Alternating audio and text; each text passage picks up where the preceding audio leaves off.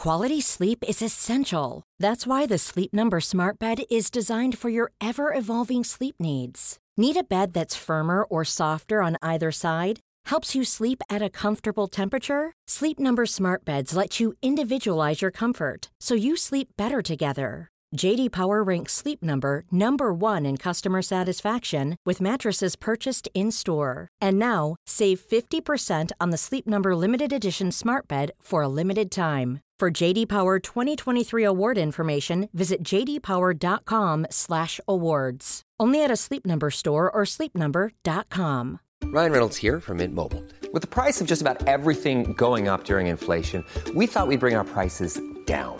So to help us, we brought in a reverse auctioneer, which is apparently a thing. Mint Mobile unlimited premium wireless. Ready to get 30, 30, bit to get 30, bit to get 20, 20, 20, bit to get 20, 20, bit to get 15, 15, 15, 15 just 15 bucks a month. So, Give it a try at mintmobile.com slash switch. $45 upfront for three months plus taxes and fees. Promo rate for new customers for limited time. Unlimited more than 40 gigabytes per month. Slows. Full terms at mintmobile.com. Podplay.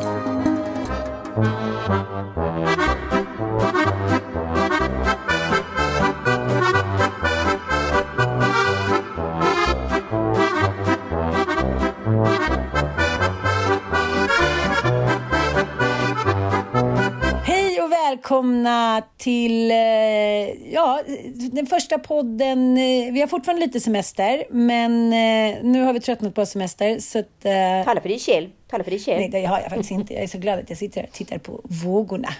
I Venedig höll jag på att säga. Men vi är kvar på Ljugarn och eh, vi har en vecka kvar. Och det är faktiskt skönt, för nu är det inte så bra väder, inte så mycket folk.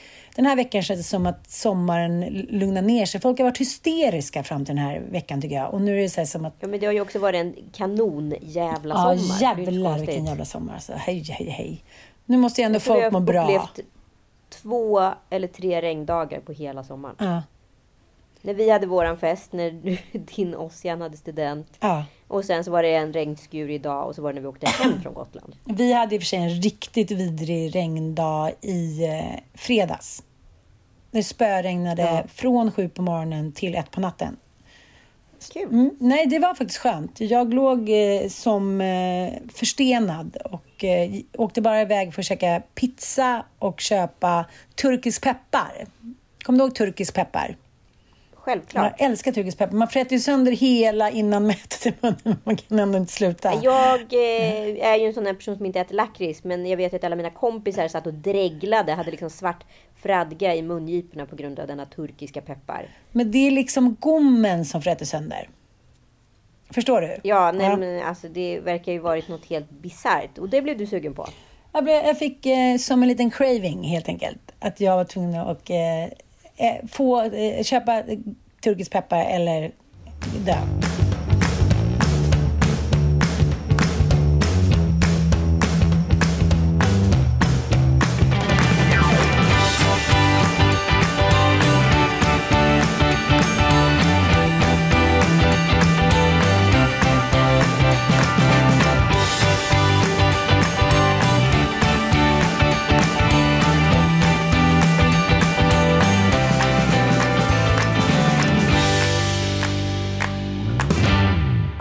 Liv, vakna till liv, vakna till liv. Nej men det har varit en kanoners sommar, det måste vi ge den.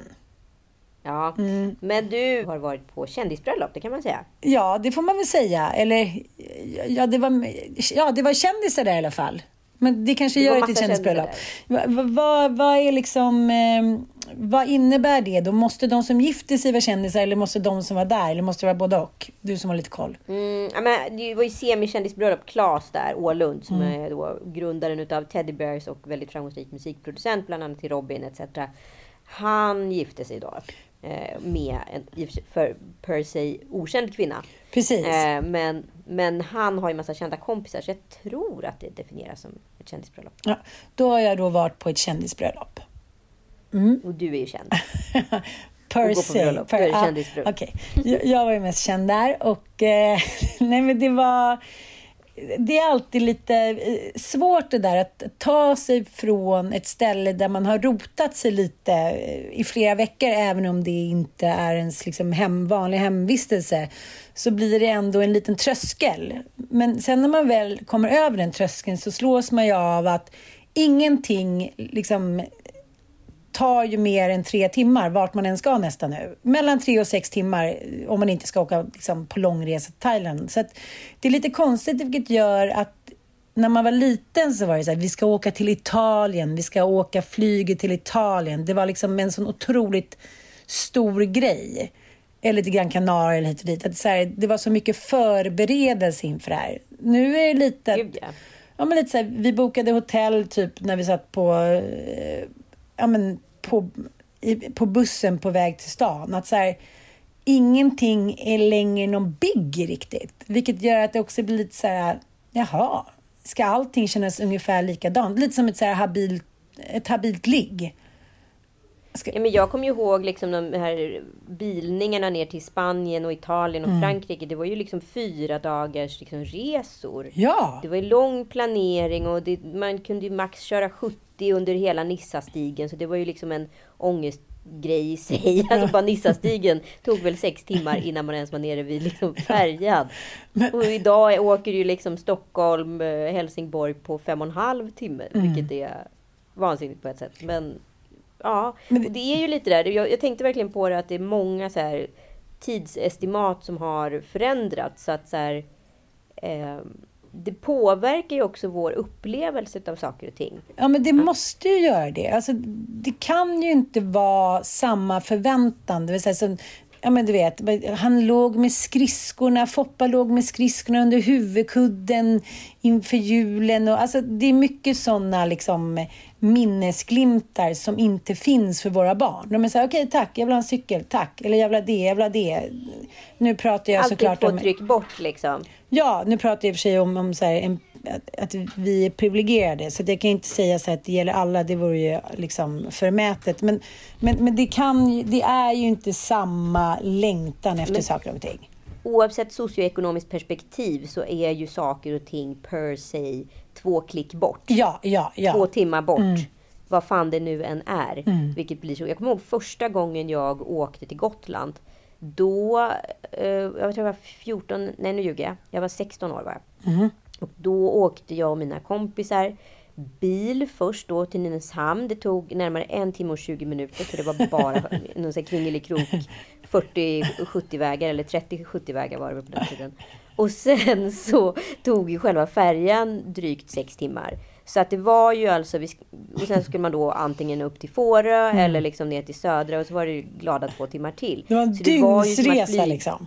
Ja, flyga Stockholm-Nairobi för att bara ta sig till Gotland, vilket ligger då, ja, vad ska jag säga, strax utanför Västervik för att vara liksom korrekt med Visbys liksom, lokalisering i Sverige. Det, och det, det är ju så här saker jag tänker också på. Ibland blir man liksom också tidlös på ett sätt, för jag tror fortfarande att det tar liksom tio minuter att tanka bilen. Men du står kvar. Det tar ju inte tio minuter att tanka Nej, bilen. nej, nej. Det tar ju två minuter att tanka bilen. Jag blir så chockad nu när jag så här tankar. Jag bara, så här, fan vad fort det går. För man tänker så här, åh nu ska vi tanka, det kommer ta tio minuter. Nej, det skulle jag inte alls göra. Jag tror fortfarande att en liten mjölk kostar sju kronor. Liksom. Jo, men För att det, det gjorde ju det. vad kostar, vad kostar liksom djungelvrål eller förlåt, turkisk peppar i, i, i din värld? men, tio spänn. Ja, Jo, men, men det var Det rätt roligt. Eh, När vi skulle då innan bröllopet, gud vad roligt att du säger det. Då tänkte jag att jag skulle unna mig ett par nya solglasögon. Ja. så gick vi på, in på NK och så var det så här 40 procent och Mattias stod så här, vad håller du på med? Varför kommer du inte? Och så här, ah, testa snabbt. Så, var de här snygga? Var de här snygga? Jag frågade ser japanska turister bara, is this good? Is this good? Eh, och så började jag kolla på priset. Jag var så här, för jag tänkte 40 procent, ja men då kanske det blir så här, ja men max 1500. Du vet, jag tänkte att det kostade typ som när jag var i Paris när jag var 27. Då kostade ett par Gucci typ två glada laxar lite drygt. Och jag, jag, jag kände det, jag var mentalt kvar där. Så jag kollade på några Tom Ford och sa, fan de här var ju riktigt snygga. Ja, de här tar jag. Så vad kostar de? Ja, fem och tre. Men för liksom, inte värsting Tom Ford, men liksom ett par vanliga Tom Ford. Jag var så här, va? Då är jag fortfarande kvar på mina 2 och 2. Så det spelar ingen roll att det var liksom 40 procent. Så då blev det ju inte dem. Men jag tänker att liksom mycket saker i min typ själ och tanke är ungefär kanske där allting i ens liv förändrades. Ja, men jag var ju i Danmark eh, över dagen. Eh, först på ett möte och sen så var vi och käkade lunch och så bara, nej men jag hinner springa in och shoppa lite Mm. också. Och eh, då var det liksom ändå så här, ja men 30% på Illum och så hittade jag ett par jätteschyssta såna här mom jeans. Jag bara, fan de här blir ju grymma ju. Ja men rätt bra pris också liksom. För jag lever då i min värld att danska kronan står i 1,20. Vilket den gjorde när jag var liten. Sen så bara kollade jag på kontot. Jag bara så, fan vad är det som har stuckit iväg här? Jag har väl inte köpt någonting för, för 1 och 8. Jo då, då var det ju, för danska kronan står ju typ i 1,5. Alltså du Så tänkte att så att det skulle kosta en lusing typ? Ja, men men, ja, 1200 men typ. typ en 1200 spänn liksom. Men det, så var det ju inte. Men- så, så, så, man- det är konstigt hur det biter sig fast. Att man är så här cementerad i saker, hur saker och ting var förr. För jag tänker också på perspektivet att så här, tänk om så här, folk hade fått tänka en gång till. Typ som Brexit. Ja, jag fattar, jag fattar, jag fattar. Hade man sett saker och ting annorlunda liksom, nu idag? Hade de valt Brexit utifrån det de vet idag? Liksom? det blir ju körigt liksom. Det blir ju rörigt. Men jag tänker också att det finns vissa perioder i ens liv som man tänker att det var bra, där vill jag stanna. Förstår du? Kan det, Ja. För allting tänker man ju inte så, men, men det är också för att mycket har liksom hållits ungefär i samma prisklass. Ta till exempel charterresor. Det är typ billigare idag än när vi var små. Gud, Så- charter var ju någonting som rika personer höll med. Ja, ja. Så att jag tror så här, vissa saker har ju, och liksom det är klart i paritet till åren så har ju mjölk heller inte blivit, eller godis så otroligt mycket dyrare liksom. Och sen när jag köper ett paket så här, partysig, man bara, vad sa du? Vad sa du? 79 kronor. Jag tror man ska kosta så här 37,50 på ICA typ. Så det, kommer du ihåg när man köpte så här 10 pack för liksom 14 spänn? man kunde också köpa lösa cigg på 1800-talet. när man- Ja, över disk. Hur lyxigt var det? Tre ciggluringar, typ så här sek- 50 öre. Nej, det, det, jag vet inte. Det är så här... Uh, Två minnet, bugg och så tre cigg. minnet spelar än ett spratt. Samtidigt när man väl är där på, på det här bröllopet så är det ju liksom så roligt, så roligt, så roligt. Och man känner sig som 22 och tänker så här, gud, låt oss alltid få känna så här.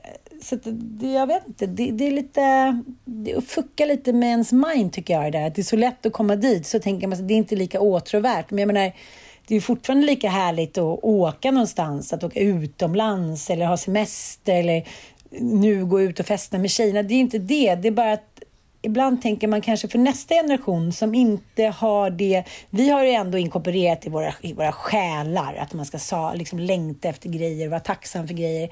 Men jag undrar liksom om våra kids verkligen har det. Kommer de tycka att någon skillnad att åka till Miami eller liksom Säffle? Jag vet inte. Nej, och jag märker också att mina barn, de, för dem är ju liksom längtan, det är ju nästan en bestraffning. Ja, ja det ja, Det ja. Ja, det, det är ju en bestraffning. Och det är likadant när vi kollar på film exempelvis. Vill de att jag ska berätta vad som händer på slutet? För de orkar liksom inte riktigt med... De står liksom inte riktigt ut med att inte veta vad som sker. För hade det varit liksom eh, ett självvalt program, då hade de spolat fram till slutet på Youtube och sen kanske kollat om. liksom.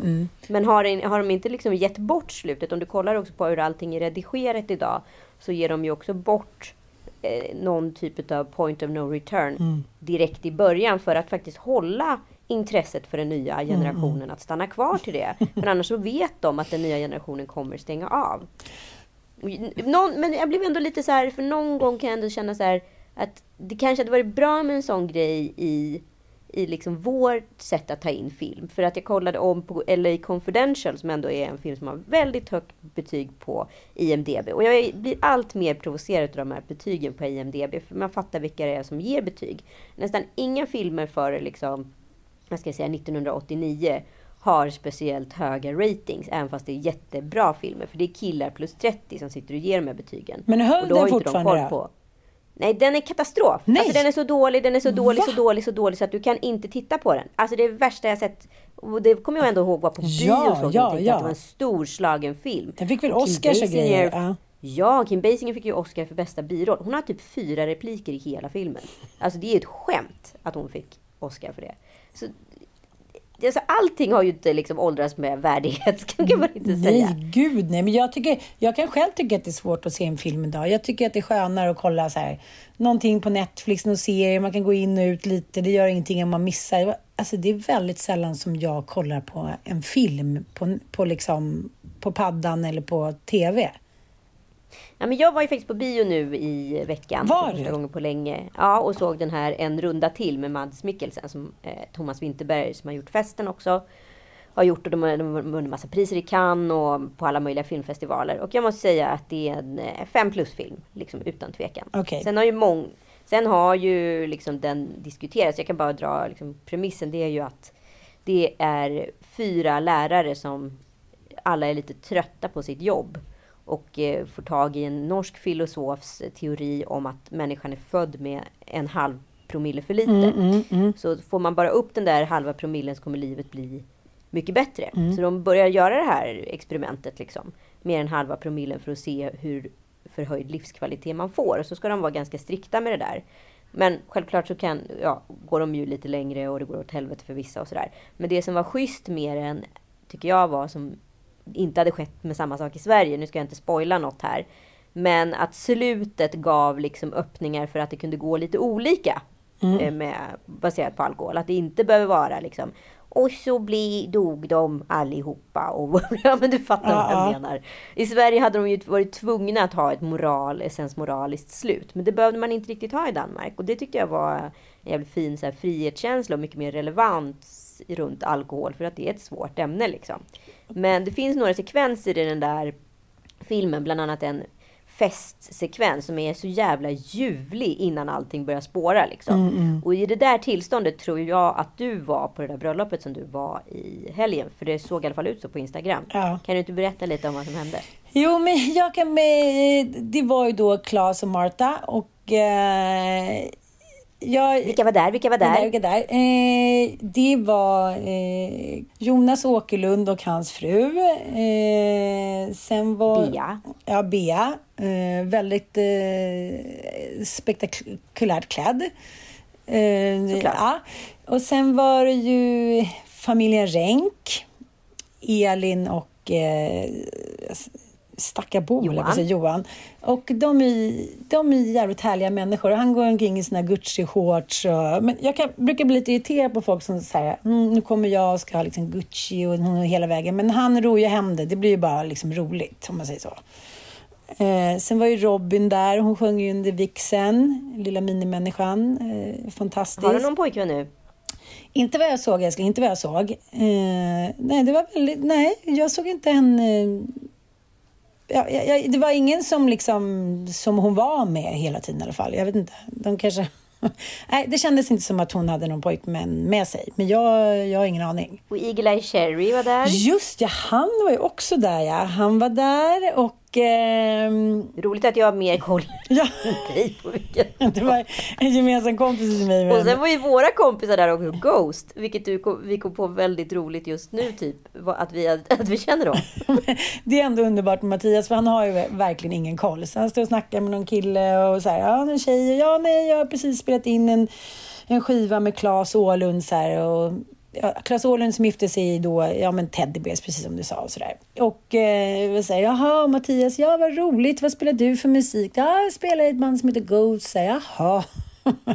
och så gick jag in och kollade, det var så här, 679 000 följare och liksom arenor utsålda över hela världen. Mattias säger jaha. Ja, de är hur stora som Ja, men helst. han är ingen konstigt. Han stod där. Det tyckte jag var mysigt. Eh, men Men vi, vi, han kände ju dig och det, du kommer inte ihåg, du visste Nej, att du hade träffat honom men du visste precis. inte från vad. och jag bara kände att du hade varit med. Du vet, man får så här en förnimmelse. Jag var så här, gud jag känner honom så väl. Jag känner, det måste varit med, med Smulan. Det måste varit hit och dit. Och sen kom ju du på nu att när du och jag var i Barcelona på festival.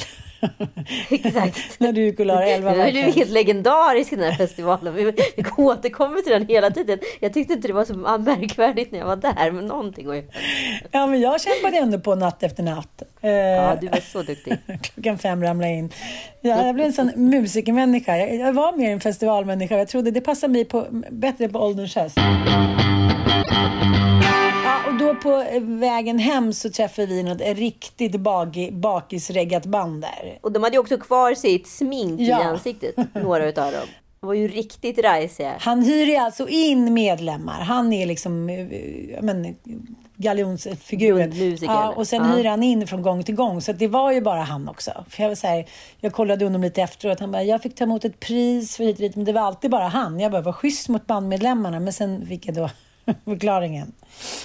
Ja, och sen var det han, ja, men Patrik Arve, det var ju mycket musiker liksom och från Swedish House Mafia och så Adam Pålsson och hans fru och ja men, Celie Sparre, som hon är också skådis. Precis. Nej, men det var ju eh, en, en hel del kändisar. Men en eh, grej som Mattias tyckte var lite pinsam, men som jag till slut tyckte var lite rolig, det var att eh, Jens Lapidus, eller Lapidus, eller Lapidus, Lapidus Ja. kanske. Ja.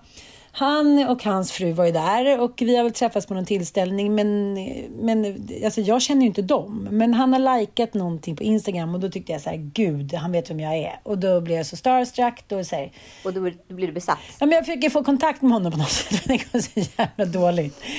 Och så var de där och eh, ja, men, vissa par verkar ha någon så överenskommelse. Så här, Gud, vi går så sällan på fest så då måste vi bara ägna oss åt varandra. Eller jag vet inte, jag får bara vibben av att vissa par är så. Jag vet inte vad det beror på.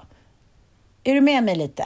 Ja, men jag fattar. Ja, Ja. man bara säger, men okej, ni är på en stor fest, ni pratar typ inte med några andra, ni dansar bara med er själva och ni liksom...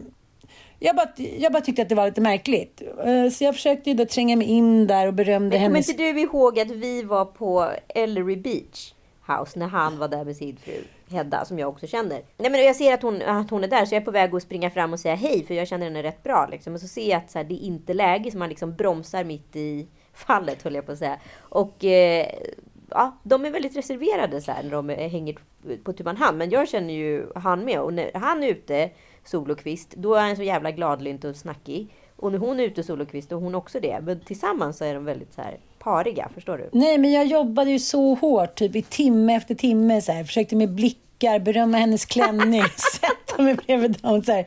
Inte en blick. Han bemödade mig inte med en blick. Jag försökte gå in i honom, dansa med dem. Det var så här, jag var liksom, jag var vattenvärd. Och alla andra också, så det var inte det. Men, men eh, till slut blev det så här farsartat. Mattias bara, sluta nu. De vill inte vara med dig. Bara, Var det "Okej." du som också berättade för mig att så här, det värsta bröllopet du hade varit på, där du blev stalkad av en kvinna? Blev du hon nu? Nej, men jag Eller var det dig själv du pratade Nej, jag om? behövde bara en blick. Så här, ja, du har skrivit på min Instagram en gång, vi är båda författare typ. Men nej, det hade jag inget för. Så då fick jag, ja, då fick jag gå till Felix och Klara. Då kände jag mig lite sedd igen. Mm.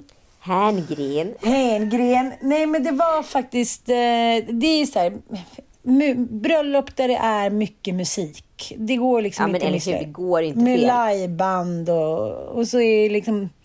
Ja, men så är det under bröllopet. Då sjunger ju då Robin låten som, ja, liksom lite till piano och så här, sjunger som bara hon kan göra. Det blir ju ändå lite liksom mer magi än kanske om ja, Pia Adelfalk Ja, men det- från, goss, från kyrkokören sjunger Jag...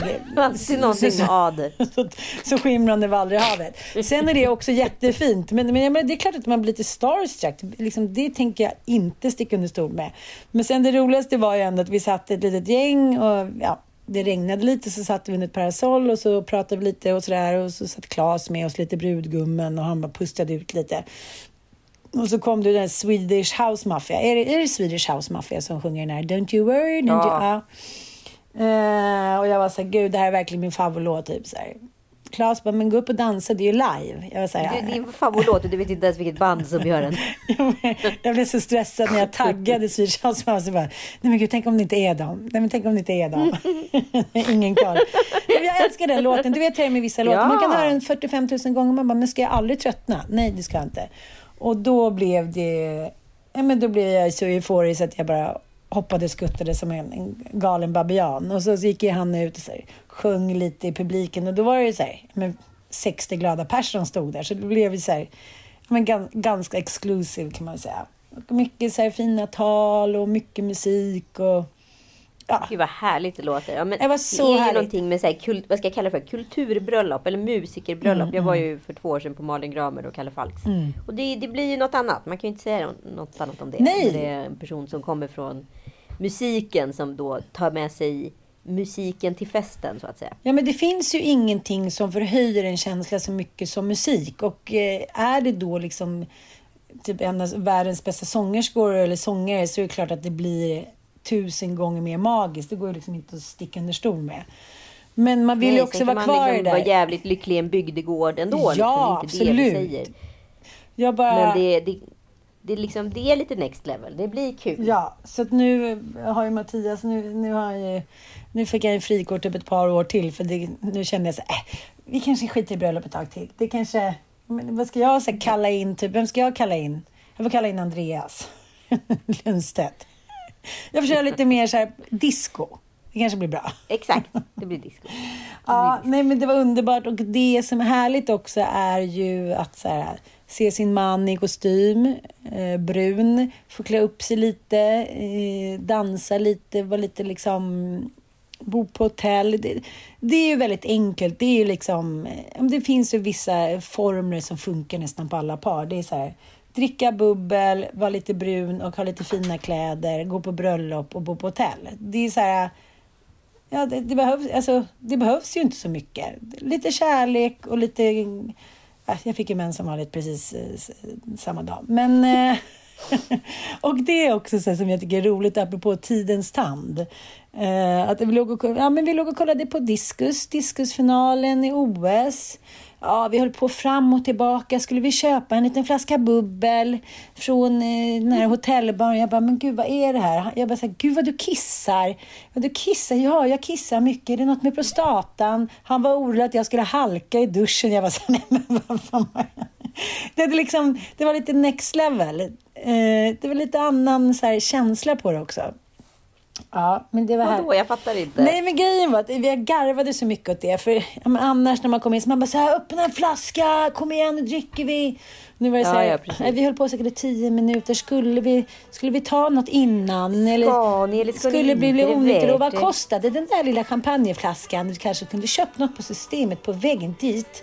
Och sen så kissade han flera gånger och då jag så här, men vad du, kissar du ofta? Är något på prostatan?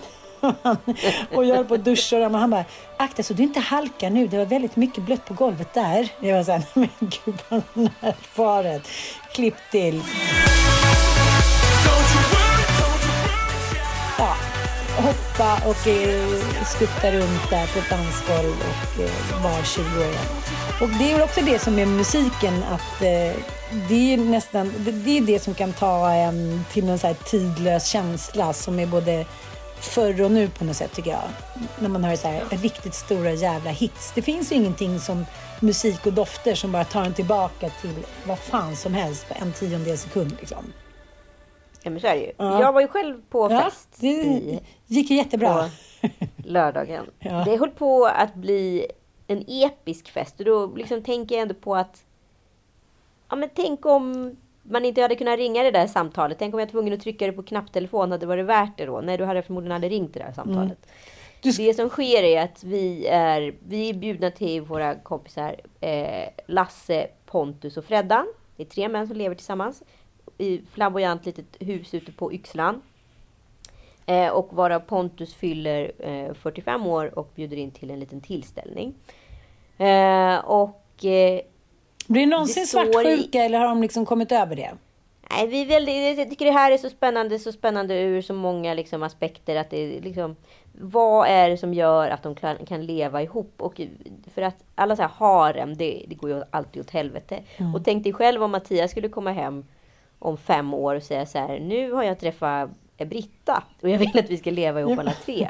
Ja, men det har ju alltid funkat innan. In, the name of relig- religion har ju alltid funkat innan. Att männen har kommit på att de är så här Guds ställföreträdare. Så de måste, så här, de måste liksom, eh, befrukta så många kvinnor så att de måste ha minst sju fruar. Ja, men det, det funkar ju egentligen inte alls. Det kan man ju läsa massa böcker om. Nej, Att- men det är klart att- ingenting. Det är väldigt få men- människor där det funkar. De här männen har ju då levt tillsammans nu. Ja, men Pontus Lasse har väl levt ihop i 25 år och Freddan har levt i samma gäng i 11 år. Då. Ja. Eh, så att det funkar ju uppenbarligen. Eh, och det, det är ju, bara det är ju magiskt. Men hur som helst får vi en inbjudan till den här kalaset där det står så här, välkommen på fest med belgiskt tema. Och vi tyckte att det var lite lustigt att det var just Bell. Vi, vi, vi, du satt ju här och googlade när du var hos oss, eh, här på Gottis, du och, eh, och Joel. Att vi säger jaha, ja, det var lite tokigt, men ja, Ja, men det var väl lite smart också, typ. Man hitta en ursäkt till ett dåligt tema. Det var lite tokigt, Ja, men man tänka också- till.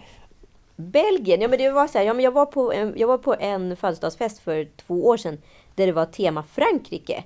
Och det var ju, så att jag var ju, det var ju inte långt borta plus att Lasse Pontus och Freddan har ju årligen rätt feta maskerader. Så att så här, ja, ja, för mig blev det logiskt att det var så här, ja men det är klart att de ska ha en maskerad. Och tema Belgien, det är ingen skillnad mot tema Frankrike. När det var Frankrike kom ju vi som Daft Punk. Det var ju kul. Liksom. Förutom att det var ett annat par som också var utklädda till Daft Punk. Men och bortsett från det så var det så här, ja, vad ska man vara? Jag kan ingenting om Belgien. Det är Mannequin Piss. Det är liksom... Våfflor är inte det enda jag tänker på. Ja, eller ska jag komma som EU-parlamentariker men det är ingen som ens fattar att jag är utklädd. Om Choklad. jag kommer med liksom en liten attachéportfölj. Jag kan vara belgisk choklad. Det är väl rätt roligt tänker jag. Mm, Vi kommer i alla fall på att Joel ska vara Jean-Claude Van Damme med höga liksom, Levi's 501 linne och så lindade så här, eh, liksom, martial art-händer. Liksom. Mm, mycket, mycket roligt. Ja, men det är så här- såna här små tajta Reebok-skor vet du, och små snabba glasögon. Det kan bli kul. Mm, mycket Eh, kul. men jag köper i alla fall en, en så här, eh, jumpsuit från eh, Zalando och liksom målar den då. Går till Panduro och köper liksom färg så jag liksom kroppsmålar den så att den ska få en melering så den ska se ut som en choklad. Joel frågade direkt om jag skulle vara Milka, alltså kossan på chokladförpackningen. Det var väldigt roligt. Det var roligt. Det var roligt. Eh, och sen så har jag också då köpt eh, kroppsfärg som jag ska sminka kroppen med. Så jag fortsätter vara melerad ut på armarna och sådär. Och sen så ska jag då ha ett diadem fullt med snäckor. Eh, och vi har hållit på med sista preppet med själva outfitsen. Och Joel bara, han litar inte på mig längre utav oklar anledning skulle jag säga. Så han säger så här, kan jag inte bara få se inbjudan en gång till? Jag bara, ja, absolut. Men är du säker på att det här är en maskerad? Det står ju faktiskt bara belgiskt tema. Och Jag bara, ja det är klart att det är en maskerad. De har ju alltid maskerader. Så det här blir liksom ett litet halvdålig stämning mellan oss här. Ja. För att vi, vi, jag är så bergsäker som jag alltid är på saker och ting. Och han är så här. Bara, Ska du inte bara, du vet, ringa Lasse och dubbelchecka det här? Nej, jag kommer inte ringa, säger jag. Det, det, det, det är ju skittaskigt. Det är ju samma dag. De håller väl på för fullt nu liksom. Ja, då skickar jag ett sms i alla fall och får jag inget svar. Och här börjar ändå liksom gnaga någon liten oroskänsla. Man får så här, fan, det kanske inte är det. Har jag tolkat fel? Är jag lite snabb på det här? Och så där. Ja, och så till sist så ringer jag och då får jag tag i honom. Han bara, nej men vi kallas ju för bögarna i svängen. Och det blev liksom Belgi, belgarna i svängen någon gång på T9. Ni vet liksom det autokorrektprogrammet på telefonen. Det är därför det är belgiskt tema. Bara, Men vad... du vet, då står jag Men liksom i min... Nej, de, har alltså, de kallar sig själva för belgarna. Det är ett internt smeknamn. Men, Men alltså att det var tur att du ringde för det var några andra som också var på väg hit utklädda. nej, men vadå, skickar man inte ut? Nej men gud vad vanskligt. Men du kunde kommit dit som en jävla ko med typ snäckor. Jag står i hallen i min outfit. Vi ska åka direkt till festen. Nej men jag orkar inte, nej jag orkar inte. Fast å andra sidan känner jag så här, alla de garven, alla de så här missförstånden. Ja. Så här, det finns ju inte Det längre, hade- det kommer inte finnas. Nej, och det är det jag kan känna lite i efterhand. För när vi kom ut dit så sa Pontus så här, var jag så arg på Lasse att han sa som det var. För att Ja. det hade varit liksom the sensation of the evening ifall du hade kommit dit. Och jag kan också så lite i efterhand känna så här, varför bjussade jag inte bara? Mm, Varför låtsades jag som att det där samtalet hade existerat? Varför Mm. bara åkte jag inte liksom? Man kan liksom Eh. korrigera alla misstag nu för tiden. Det, Ja, du ringer inte fel. Du Mm, bara ändrar en siffra med autokorrekt i displayen. Mm. Liksom. Du behöver inte trycka om alla, alla siffror på en knappsatstelefon. Du, går all, du behöver inte gå den där extra milen. Så att därför gör du det inte heller. Mm, jag gjorde det- i och för sig exakt samma sak för två veckor sedan och Mattias blev supersur på mig. Att han så här, hur kan du vara så tvärsäker? Jag var som, det står ju så här, välkomna hem till oss och sen och tar vi oss vidare till bla bla. Och då var, han bara, men deras hus är inte ens färdigbyggt. Vad trodde du att vi skulle sitta på en sten eller? Nej, men att man bara så här, det första man tänker är att det är det man tänker. Och sen kollar Ja. man inte. Så hade vi så här, gått en timme för lång tid. De bara, vår middag börjar snart, så när kommer ni? Bara, vi är här nu. Så bara, Nej, men vi, vi är vårt gamla sommarhus. Fattade du inte det? Jag var så här, nej men det var väl inte så konstigt att man inte fattade. Och så vill, eller jag vet inte. Ibland känner jag så här, det, det kanske var jättekonstigt. Men jag vill alltid försvara mig själv in i det sista. Men det blev ändå roligt på något sätt. Ja, En rolig för ett historia. år sedan- en, en rolig historia. För ett år sedan var vi nämligen på en maskerad som jag inte visste var en maskerad. Så vi var de enda som inte kom utklädda. Så det verkar liksom gå troll i det här. Men, men jag tror att så här, vi kanske läser för snabbt, är det Och inte går tillbaka och tolkar och det. Det är så här, våra hjärnor bara slår slint och sen är vi helt övertygade om att det ska vara på ett visst sätt. Jag, menar, jag, tror, alltså, jag har ju också ett problem med maskerader eftersom jag tycker att det är det roligaste på jorden. Så när det någon säger, liksom, när någon kan ge mig en association till begreppet maskerad, då har jag liksom redan, då sitter jag liksom längst fram i förarsätet. Liksom. Då är och du redan på kalaset. Ja, jag fattar, jag fattar. Ja, exakt.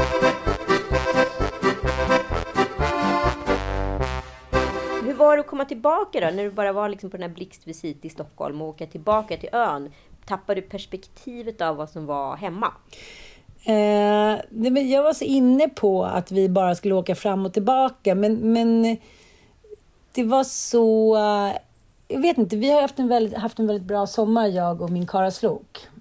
Väldigt... Det är väl härligt? Ja, förutom när ni var hos var oss, där. när han, när han blev lite sur där när vi hade spelat tennis och det. Men, men jag ju bestämt För du nu... var inte sur, det var tur det. Nej, jag var inte sur. Men det, det, han har liksom eh, skött sig helt exemplariskt. Det har, har gått väldigt smärtfritt den här sommaren. Dels tror jag att det handlar om att vi inte har haft vårt hus. Och han har inte känt någon press på att tömma bajstunnor eller liksom fixa med någonting och hit och dit. Alla har kunnat göra lite det de vill. Liksom. Men eh, sen har vi, när det inte blir någon så stor friktion också, då har man också lite mer tid att vara gulliga mot varandra. Förstår du?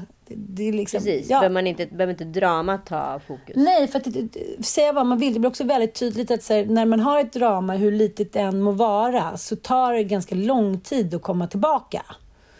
För eh, vi var ju med då på tennisturnering han och jag. Eh, det var faktiskt han som anmälde och det var ju dagen efter vi hade varit på en annan ganska stor fest. Så vi var väl inte jättepigga och det gick väl inte jättebra.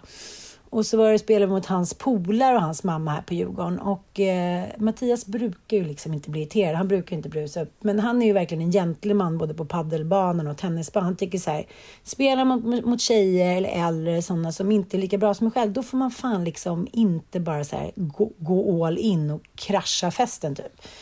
Och den här killen som vi spelar mot, han var ju så här, han bara körde på mig hela tiden. Så här, du vet det hårdaste han kunde. Och Mattias blev så jävla förbannad.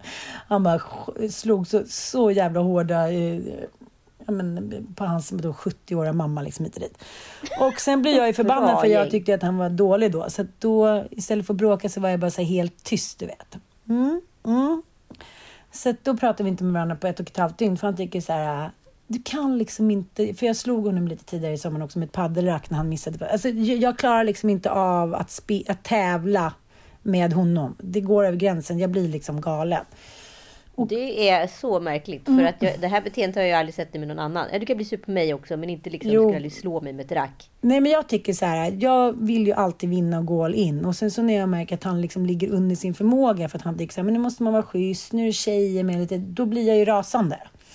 Och ibland hjälper ju stackars. det och då vinner vi. Men, men den här gången så var han liksom, han var så sur på mig. Jag bara, men gud, han kommer lämna mig. Jag blev riktigt skitnödig. En hel dag typ. Jag var så här, hej älskling, ja, hej, hej, hej.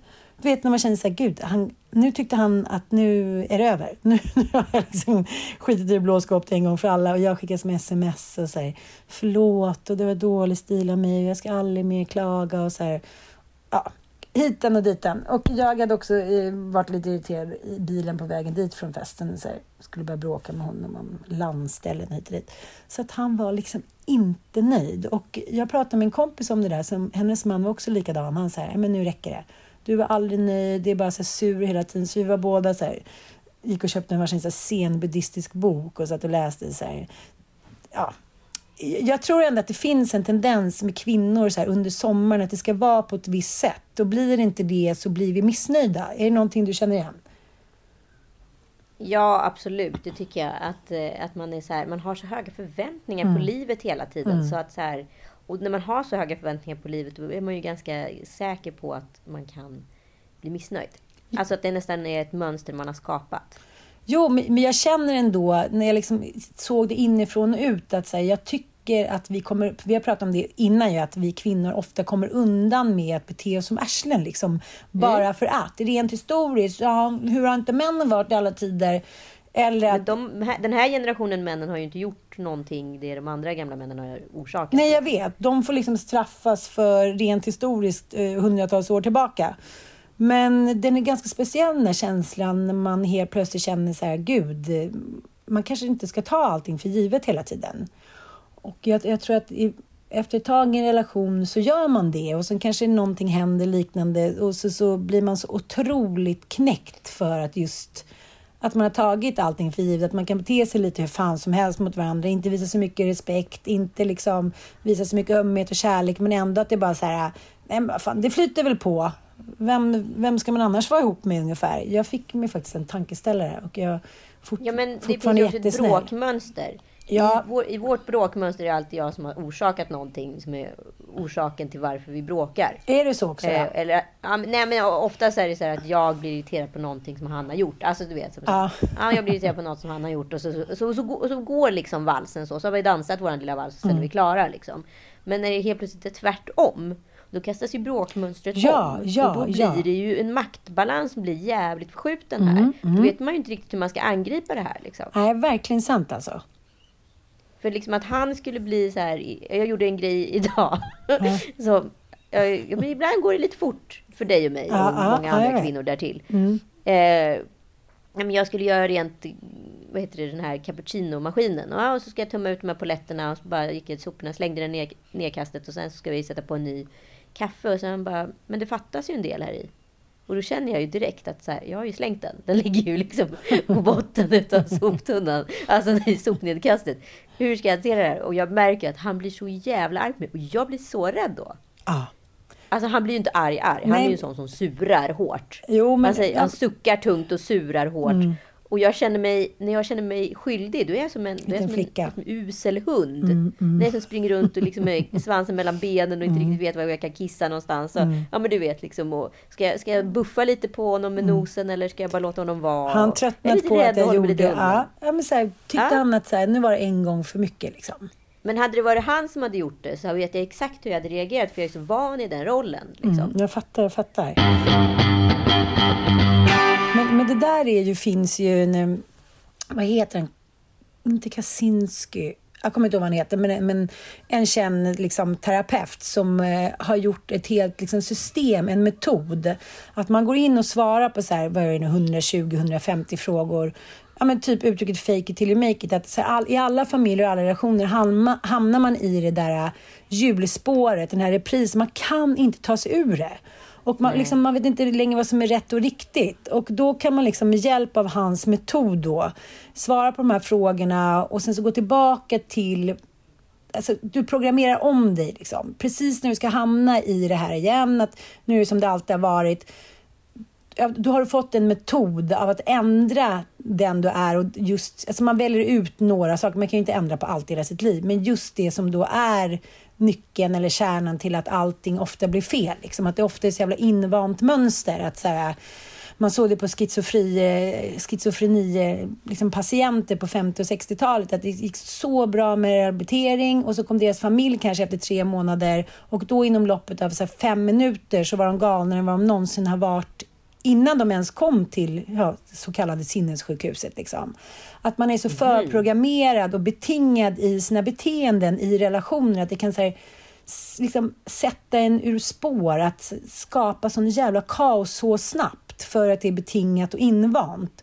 Så jag håller på att läsa lite om det här. Att det, det tycker är så otroligt intressant att här, man kan faktiskt ändra sina gamla hjulspår enklare än vad man tror, tror jag. Men... ehm, Ja, men jag bara ja. tänker att man måste ändå vara så pass reflekterande då så att man, man så förstår att man ens har ett hjulspår. Ja, jag läste ja. en ganska fin... eh, Det var ju, de har ju de här eh, frågorna då en gång i veckan i DN om föräldraskap. Mm. Att så här, en mamma som var väldigt orolig för att hennes man var väldigt arg liksom, och mycket strängare i sin uppfostran med barnen än vad hon var. Och, bla bla bla, och hur skulle det här påverka barnen? Hon kände att hon tyckte det var jobbigt och svårt att prata med honom om det för hon var rädd att, att hennes uppfostran var så fri och den var mycket sämre då för att den var så fri. Och alltså hon, började, hon drog en ganska lång harang med olika jämförelser. Men det var ändå väldigt självreflekterande i hennes liksom, resonemang. Och då skrev den här eh, psykologen som finns på DN eh, att så här, det, en person som har haft en trasig uppväxt eller liksom en, eh, en trasig barndom eller en, en dålig relation. Så länge den personen är självreflekterande och funderar över de här frågorna, då har man liksom gjort halva jobbet. Mm. Eh, det, problemet är ju att det är väldigt många som inte tänker alls. Mm. Och det är där den stora faran ligger. Att liksom traditionalismen och det som bara är, att det aldrig ifrågasätts. Så Nej. att så här, jag tror att bara att du reflekterar, Ann, Mm. var dit jag skulle komma. Så Men- tror jag att du har gjort ett, en stor tjänst för dig själv. Men jag tänker också, när, om, om- om jag ska ta det här bröllopet som en liten referens då till liksom tidens tand, som du pratade om, att man reflekterar, så var det ju också ett väldigt fint, alltså att liksom bevittna då att så här, ja, men, olika familjer har kommit ihop, eh, han, eh, Klas exfru var där, eh, föräldrar, döttrar, alltså så här, att när man anstränger sig för att sätta kärlek och liksom, vad ska jag säga, empati först och inte fastna i gamla hjulspår om att säga Ja, men nu, nu ska jag vara på ett visst sätt och jag tänker minsann inte och hitan och ditan och man så snörper ihop sitt hjärta så tycker jag att det här var liksom ett väldigt fint bevis på vad en modern familj kan åstadkomma med så här öppet hjärta. Förstår du lite vad jag menar? Ja, men otroligt Ja, och jag kan tänka, jag tycker det är väldigt fint också. Jag vet, det här kanske blir väldigt privat, men Martha, hon sa ju då i sitt tal till Claes att hon vill inte ha barn. Jag menar, så här, krånglig uppväxt, adopterad. Hon kände att hon... Det var liksom... Hon, hon, hon ville välja bort varandra för att hon själv tyckte att hon inte var tillräckligt hel än. Och han var så här, ja men, typ gav sig inte utan så här, gav nu bara mer och mer kärlek och förklarade att det skulle gå så bra. Och vilken, så här, vilken befrielse att våga gå emot sina största rädslor. Och det, eh, det var liksom väldigt fint att se att, att någon också var modig i kärlek. Jag kan ju tycka ibland att, så här, ja, men, att bröllop... Ja, alltså, jag tycker alla bröllop är jättefina, men ibland så kan jag känna att det blir att nu när man väl ändå gifter sig så får man väl vara liksom svulstig och ha stora ord och starka Gud, känslor ja. hit och dit. Och, eh, är det någon gång man ska vara pretentiös i livet, då är det fan med ja, men det är läskigt att vara pretentiös. Och jag tror människor idag, särskilt killar, liksom, tycker att, att det är, ja, men i den mittemellan generationen, att det blir svårt när man ska prata om känslor. Det märkte man lite i talen också, att man, så här, man ska skämta bort det lite hit och dit. Och det är så jävla fint när någon, eller Marta då, höll tal till Claes och bara höll sig till just så här, därför älskar jag dig, därför är det här fint. Inget så här kringelikrok eller skämta bort eller förringa, utan så här, störst av allt är kärleken och eh, det här är det största som hänt. Och det blev Eh, det blev väldigt fint och också när, man, när någon har ansträngt sig så jäkla mycket med en fest och med gäster och med mat och ja, men allting så blir det... Jag, jag, jag, jag känner mig väldigt inspirerad. Jag tänker så här, om jag nu ska gifta mig så blir det nog faktiskt inte en sån där smyga iväg till Paris utan då ska det för fasen vara så här stort och svulstigt och kärleksfullt och lång jävla klänning med släp och... ja, jag, jag tyckte det var... Det har, ju, det har ju gått några eh, vändor i det där tidigare, men vi ser alla fram emot Tack, älskling, Ann tack, Söderlunds kommande bröllop. Eh, Det ska bli kul, Ja, du vet ju också, den men- dagen det sker. Du vet ju också Även om du är festfixaren. 83. Det är du som är festfixaren. 83. Du är 79. Nej, men, men det är vackert med, med, med kärlek som tas på allvar. Allting som tas på allvar tycker jag är häftigt. Nej, jag tycker inte riktigt allt, men mycket. Mm. Framförallt tycker jag att kärlek får vara exakt hur pretentiösa de vill. Och med de härliga orden från min Anitis så tackar vi för oss idag. Och nästa vecka är, är vi tillbaka och då eh, så sitter jag Ja, och det var vi inte idag alltså. Jo, men då sitter jag och nio och fiser i, på Joels sida av sängen. Det är väl det jag ska säga. Ja, gud vad härligt. Det ser jag väldigt mycket fram emot. Längt. Mm. Ja, nu för för det. tiden. Ja, vi hörs hela tiden då. Puss och kram! Ja, det gör vi. Puss, hej. puss. puss, puss.